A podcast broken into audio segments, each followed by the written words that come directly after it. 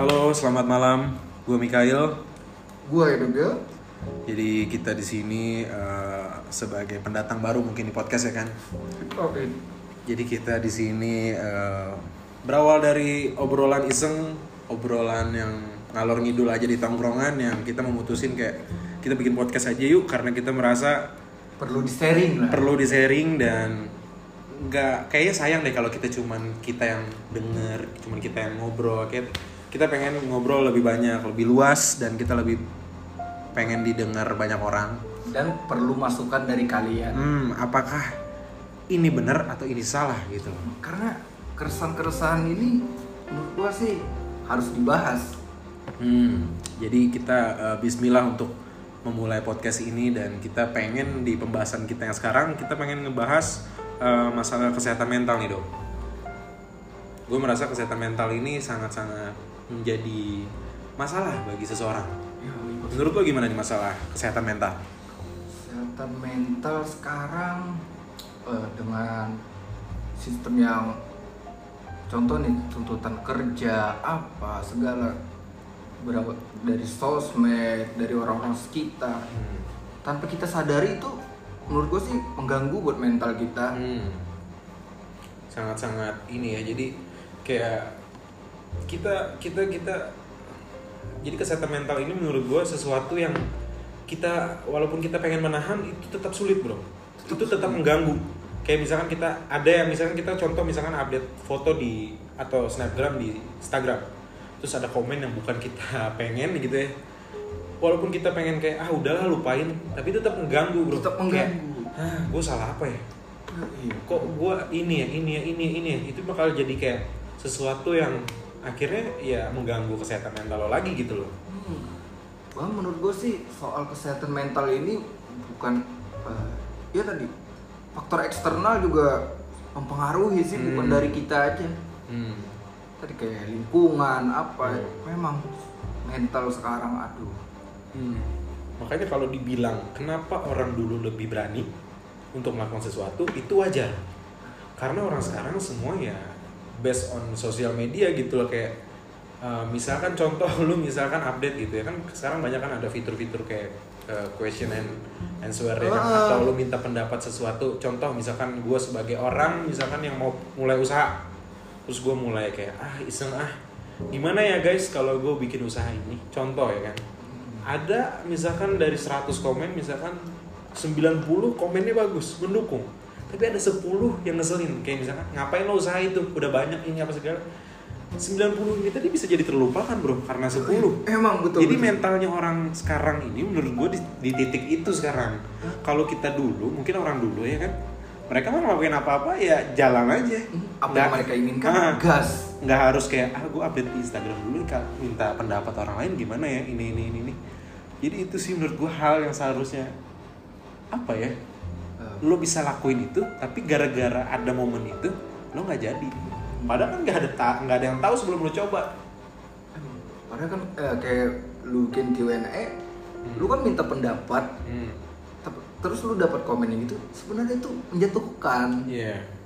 Tapi ya gimana sih lu minta pendapat? Ada yang menjatuhkan sebenarnya kita harus terima. Dan di titik itu juga menurut gue sebagai eh, apalagi anak muda jangan pernah terganggu untuk itu bro.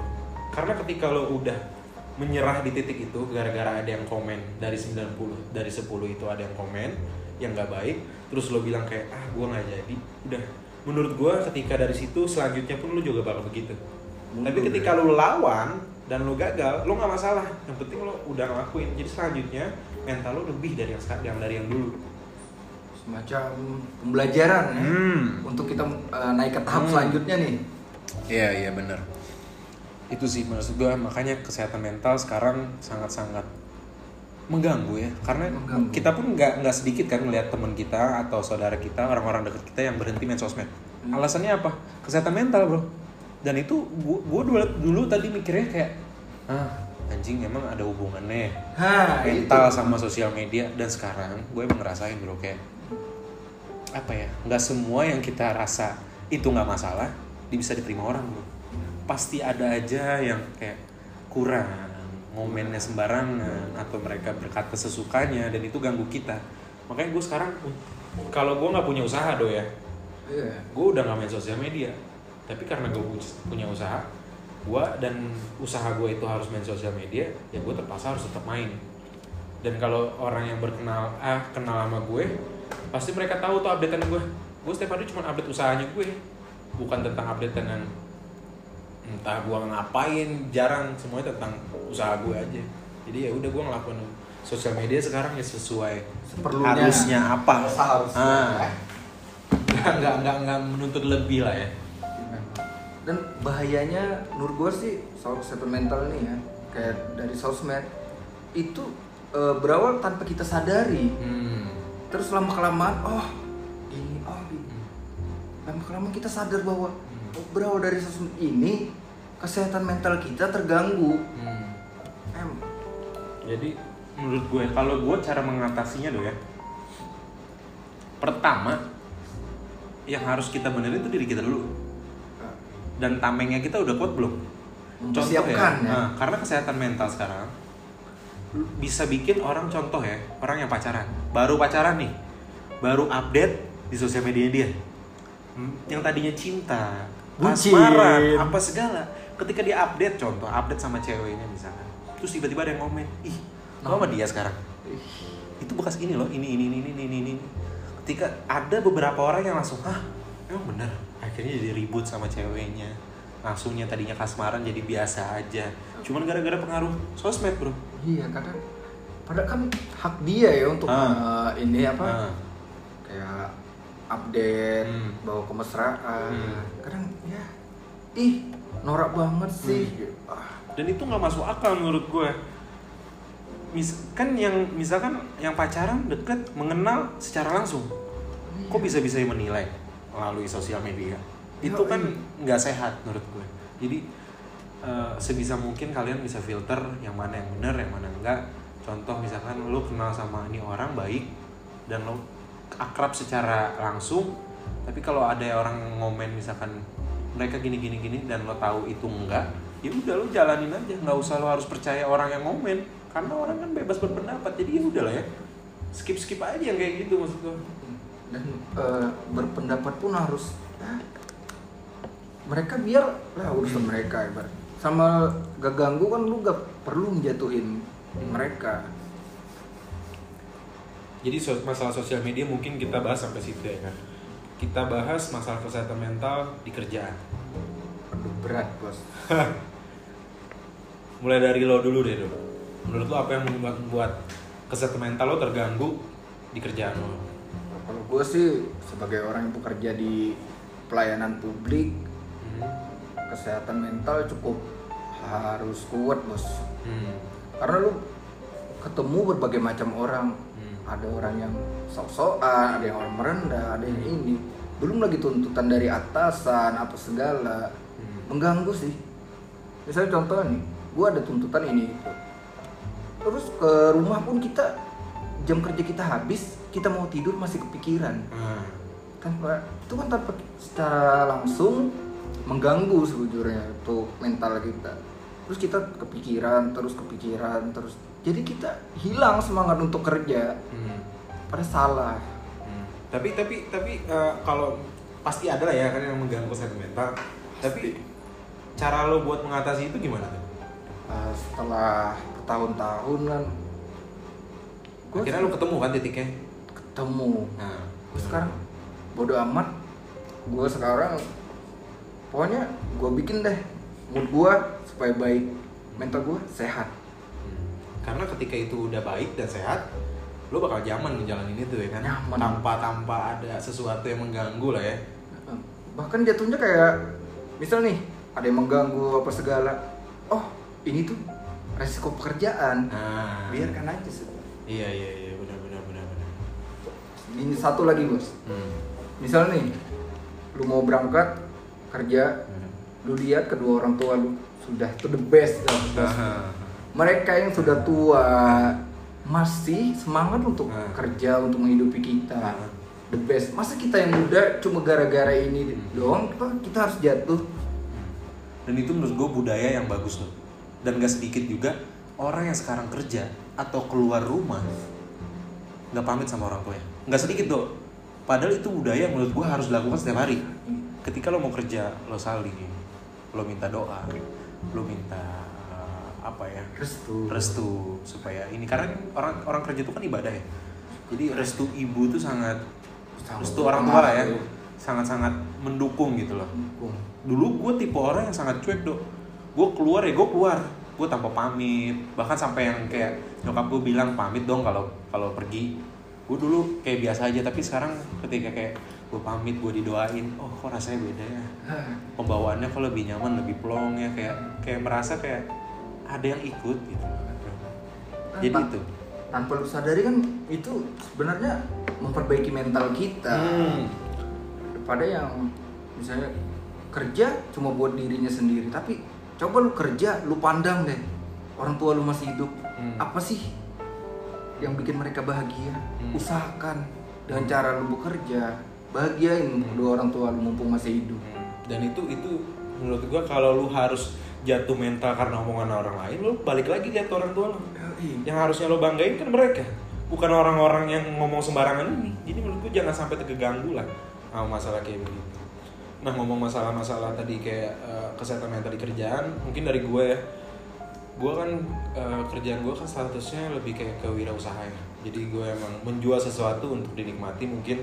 Jadi kesehatan mental gue mungkin sangat-sangat terganggu pasti ketika misalkan gue jual minuman ya terus nggak usah orang jauh deh dari temen misalkan. Ada yang komplain misalkan rasanya inilah inilah inilah inilah. Punya gue misalkan disamain sama kedai lain apa segala gitu-gitu. Itu kan pasti sangat mengganggu kesehatan mental gue. Walaupun yang ngomong sebenarnya mereka mau bercanda atau mereka senyaman aja ngobrol. Tapi kita yang punya kita yang uh, membuat itu jadi kita kayak merasa hah emang seburuk itu kah? Kepikiran jadinya ya? Kepikiran bro. Dan itu sangat-sangat mengganggu gue yang akhirnya bikin gue begadang terus begadang terus. Karena tapi dari situ juga yang tadinya gue merasa ah ini sangat sangat sangat mengganggu gue gue berusaha buat bantai setir kayak ini ini ini bukan salahnya gue. Jadi apa yang gue bikin sekarang gue merasa ketika itu bisa dinikmati 10 orang dan satu orang nggak bisa dinikmati itu nggak akan jadi masalah. Yang penting nilai yang suka lebih banyak daripada yang nggak suka. Menurut gue itu masih oke. Tapi nggak ada salahnya kalau lu bisa bikin yang lebih baik gitu loh. Cuman ya itu gue akhirnya merasa hal-hal yang begini ya udah cukup didengerin dan kita merasa kalau emang ini masih berjalan bagus ya udah kita tetap jalan aja gue nggak mikirin lagi hal-hal yang begitu gitu loh selagi ada yang masih suka ya oke jadi lu nggak perlu eh, nggak peduli lagi tuh Hmm. kritik kritik Hmm. kadangnya orang kritik Hmm. mudahnya gitu Hmm. Dan yang penting lo harus punya tujuan bro. Kayak gue misalkan bikin ini, gue tahu tujuan gue ke mana. Jadi ketika ada kritikan ah ya udahlah, mereka bukan pasar, udah kayak gitu aja. Maksudnya Hmm. dibikin dibikin nyaman aja dengan penyelesaian lo sendiri. Lo nyamannya kayak gimana gitu. Karena itu bakal ngeganggu bro. Kalau lo harus terus terus terusan ngikutin satu orang, dua orang, tiga orang yang komen kayak gini, lo nggak bakal kelar. Tapi ketika lo konsisten buat gue ini bikinan gue dan terserah lo suka atau enggak, gue thank you untuk itu gitu. jadi jatuhnya kayak lu sudah nggak peduli tuh sama omongan orang Hmm. Ya gue dengerin gitu lah ya, gue dengerin cukup dengerin kayak kalau emang ini bagus oke, gue bisa terima. Tapi kalau emang ini cuman kayak ah ini paling ini ini ini ya udah. Dan gue sadar itu emang kerjaan gue. Balik lagi itu resiko kerjaan gue gitu loh. Resiko Apa yang gue pilih gitu loh. Tapi sekarang gue merasa mental gue udah udah oke lah, Kuat ya. lah. udah kuat lah ya.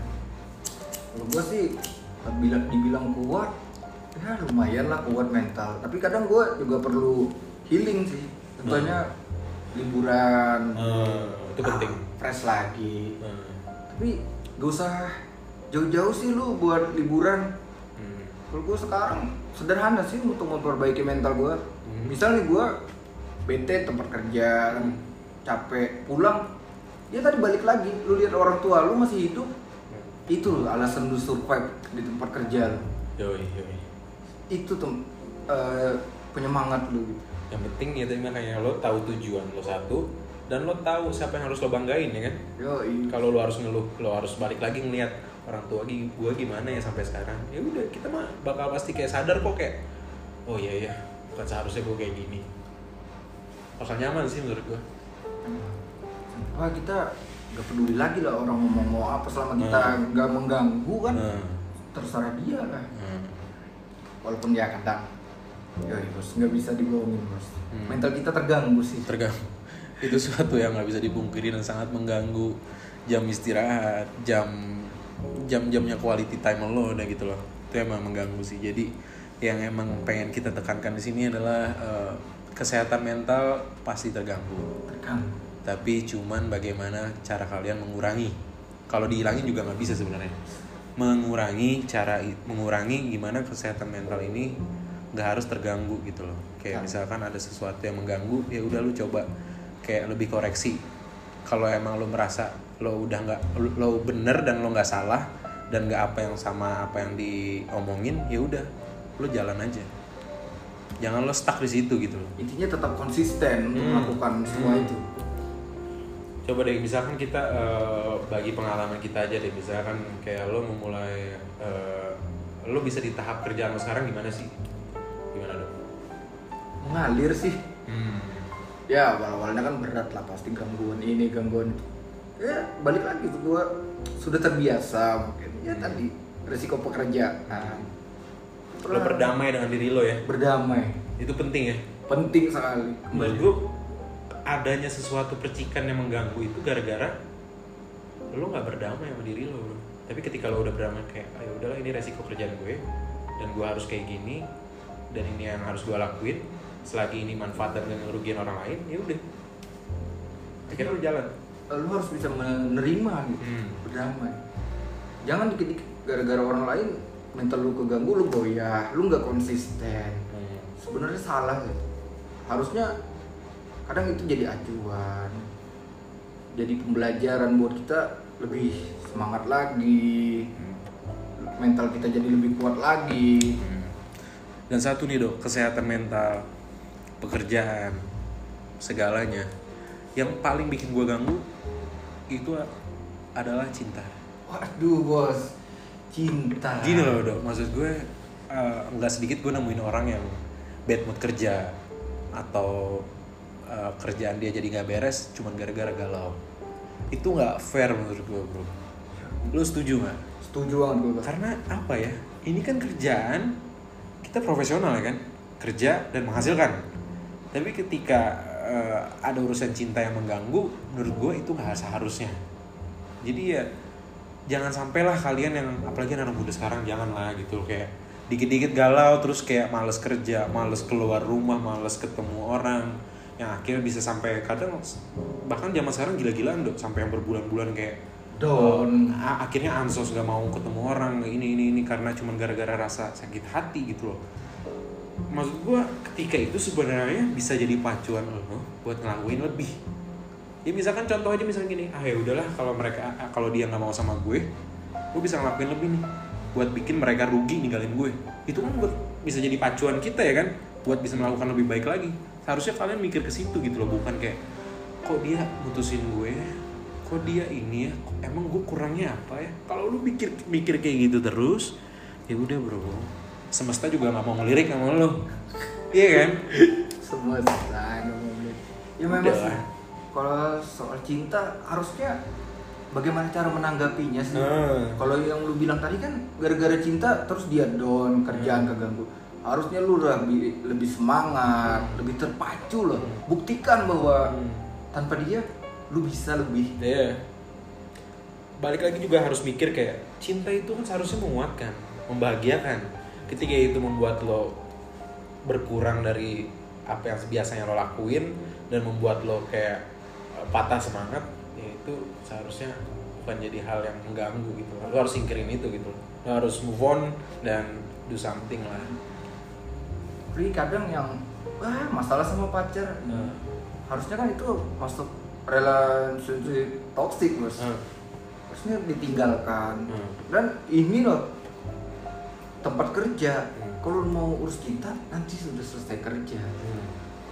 Alhamdulillah, tapi gue dari dulu gue konsisten untuk ngelakuin itu doh. Jadi gue bisa dibilang orang yang nggak pernah galau atau pernah pernah, cuman nggak pernah sampai mengganggu. Jadi bahkan kalau lu tanya teman-teman gue aja, pernah nggak dia ngeliat gue galau? Gue bisa dibilang nggak pernah, karena gue menolak untuk itu. Gue boleh galau tapi ketika gue sendiri aja. Tapi ketika gue harus jam kerja, ya udah gue kerja. Justru ya, ketika gue patah hati, biasanya gue bisa menghasilkan sesuatu yang tadinya gue nggak expect ngerti gak sih kayak dulu misalkan gue uh, patah hati gue bener-bener patah waktu itu tapi gue berusaha kayak ah ya udah gue bakal buktiin kalau dia bakal rugi nih kali gue akhirnya gue bikin satu usaha gue bikin satu usaha yang tadinya kalau mungkin gue tetap menjalani itu mungkin gue gak bikin ini deh tapi gara-gara patah cinta gue bisa ngasih sesuatu. Nah menurut gue kalian tuh harus bisa ngebikin itu gitu loh. Jangan ketika patah hati lo malah jadi payah. Lo harusnya bisa bangkit gara-gara itu jadi alasan. Jadi acuan. Iya. emang cinta sulit. Kalau gue sih berhubung gue orangnya yang gak peduli cinta-cintaan. Jadi gue gak gak nggak nggak pernah terganggu sih dari soal cinta. Kadang ya pernah pernah cinta juga tapi ya sebatas itulah. Bahwa gue mikir gini ini belum menjadi pasangan kita.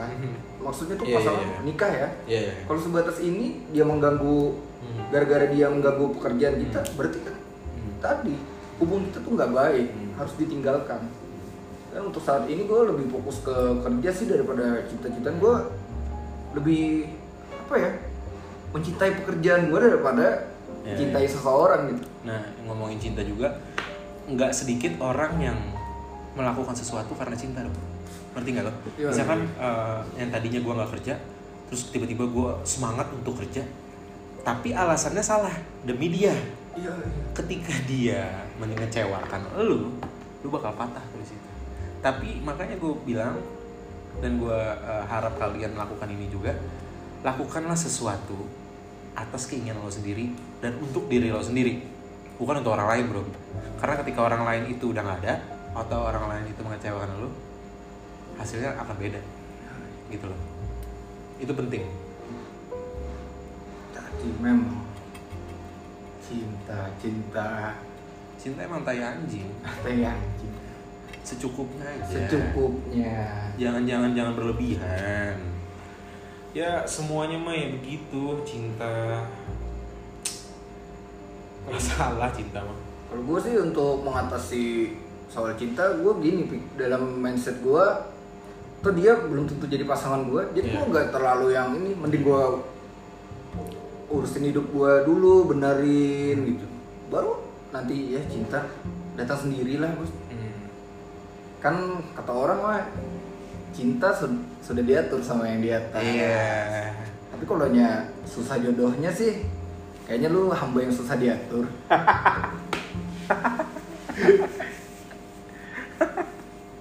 hamba yang nggak efisien. Nggak kondusif. Intinya itu bro ya. Jadi jangan jangan jangan jangan sampai hal-hal luar tuh mengganggu kesuksesan lu mengganggu masa depan seharusnya lu fokus apalagi yang muda nih harus fokus ke masa depan karena ketika masa depan lo juga jelas cerah cinta datang sendiri bro. Yo, ibu. Oh, kita jelasin kita ngapain. Cewek juga ngerti ya kali bro. Tadi memang kesehatan mental itu perlu. Dan buat cowok-cowok nih ya gua gua gua eh, gua sangat terganggu dengan cowok-cowok yang bucin ngerti nggak lo cowok-cowok yang harus ke mana harus laporan cowok-cowok yang ke mana-mana eh, harus ngepap itu sangat mengganggu gue bro karena eh, nggak seharusnya lelaki seperti itu ya kadang sih gak usah jadi teman sendiri kalau Aha. bucin gue risih bos Ah. harus gini misalnya lu keluar sama siapa Hmm. Ke- keluar sama gua Hmm. terus misalnya nih dia nggak bisa dihubungin eh si doi dia ngubungin gua. Hmm. gue terganggu bos. Iya. berarti kalau lu cinta-cintaan dan lah jadi urusan lu berdua gitu. Gak usah libatin orang-orang di sekitar lu.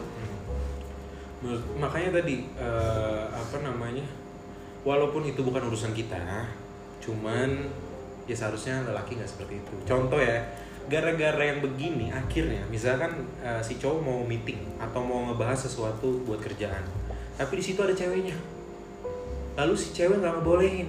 Itu nggak fair menurut gua.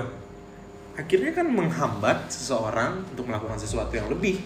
Cuman gara-gara harus nurut sama cewek yang bahkan belum jadi istrinya bro. Dan belum tentu jadi jodohnya. Ini budaya yang sangat salah. Dan gue gue gue bener-bener kayak ngelihatnya aja udah capek bro. Apalagi gue ngejalanin. Jadi gue Iya. jadi gue berontak keras sama cewek. Jadi mungkin eh, cewek gue pasti ngerti. Jadi kalau gue tuh tipe orang yang gue ngechat tuh cuman kayak gue kerja ya udah. Terus gue ngehubungin kalau gue nggak sibuk. Kita pun teleponan mungkin bisa dibilang jarang dan paling malam itu pun juga nggak lama. Cuman kayak cerita hari ini ya udah besok ya sama lagi. Nggak harus yang aku makan ini ya ini ya kamu udah makan udah mandi Aku keluar sama ini. ini ini ini. Buset dah gue lebih yang kayak ya udah gue fokusin sama apa yang gue lakuin. Ketika gue ada waktu buat ngabarin gue ngabarin.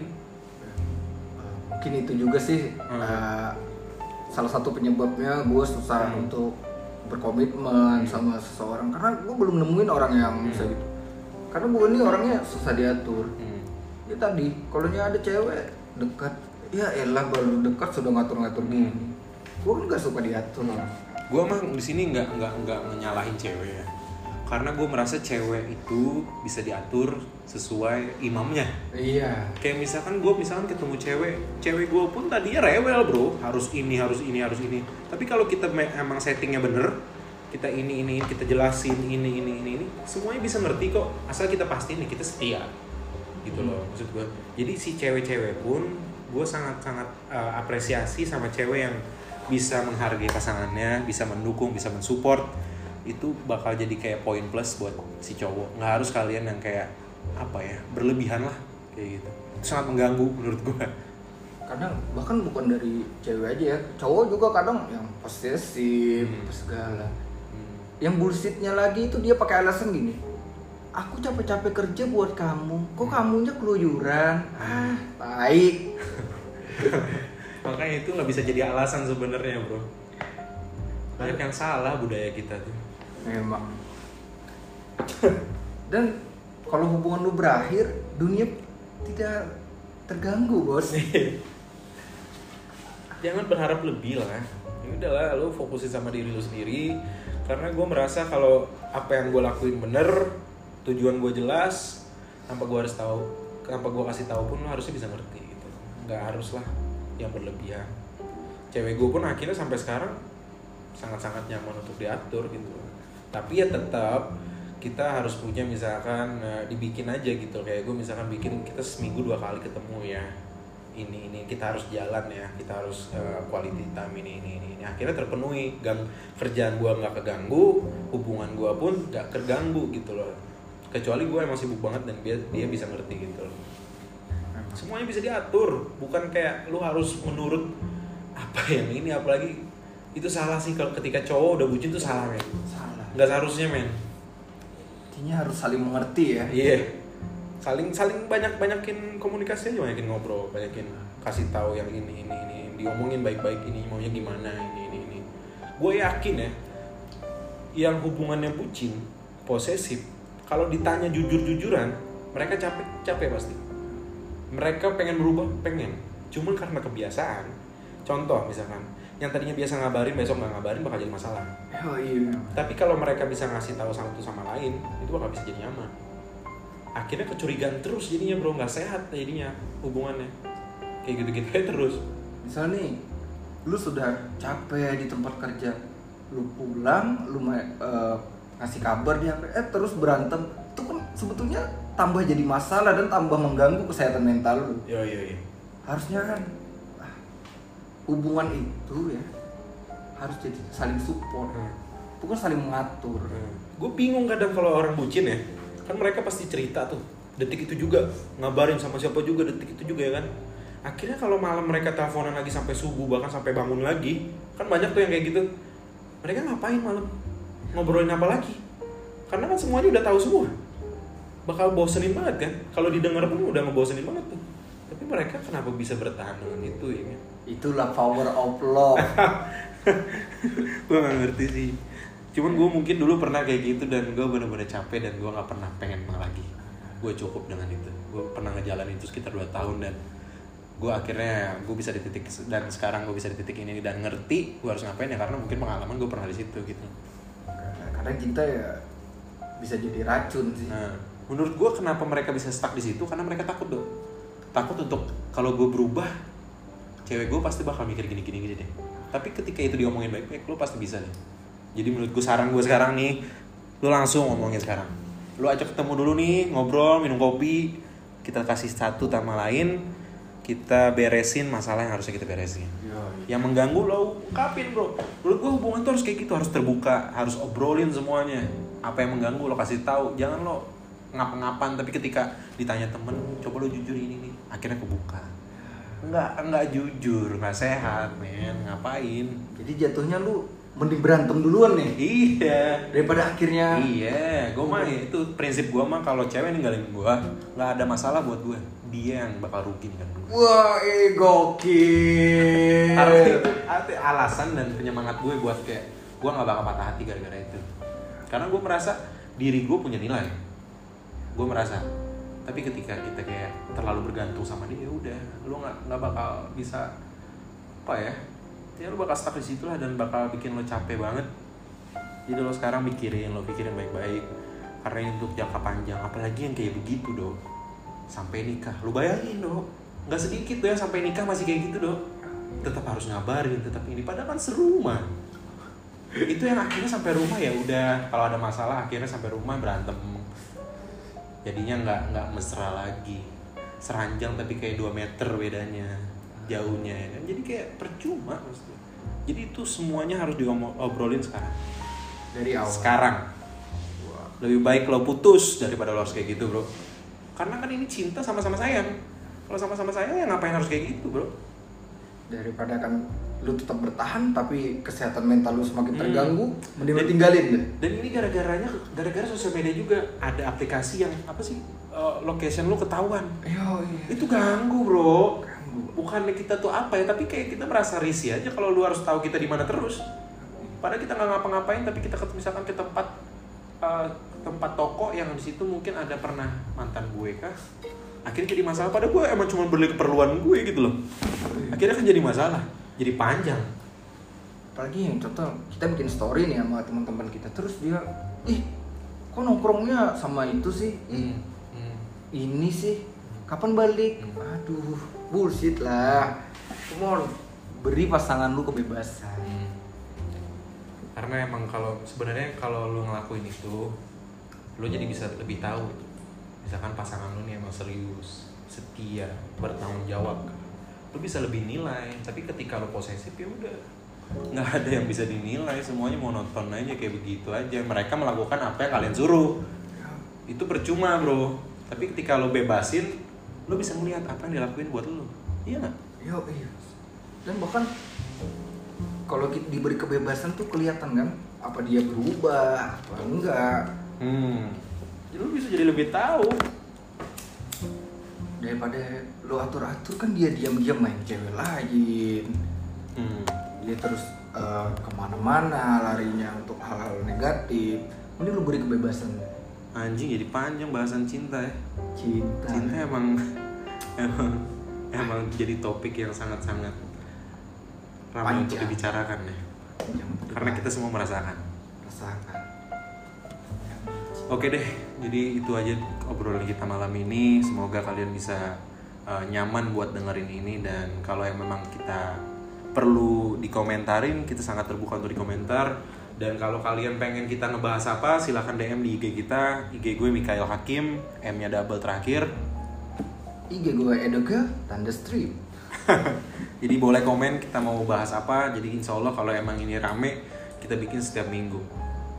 Oke, jadi mungkin sampai sini dulu pembahasan kita malam ini. Terima kasih, selamat malam. Kita cabut. Ciao.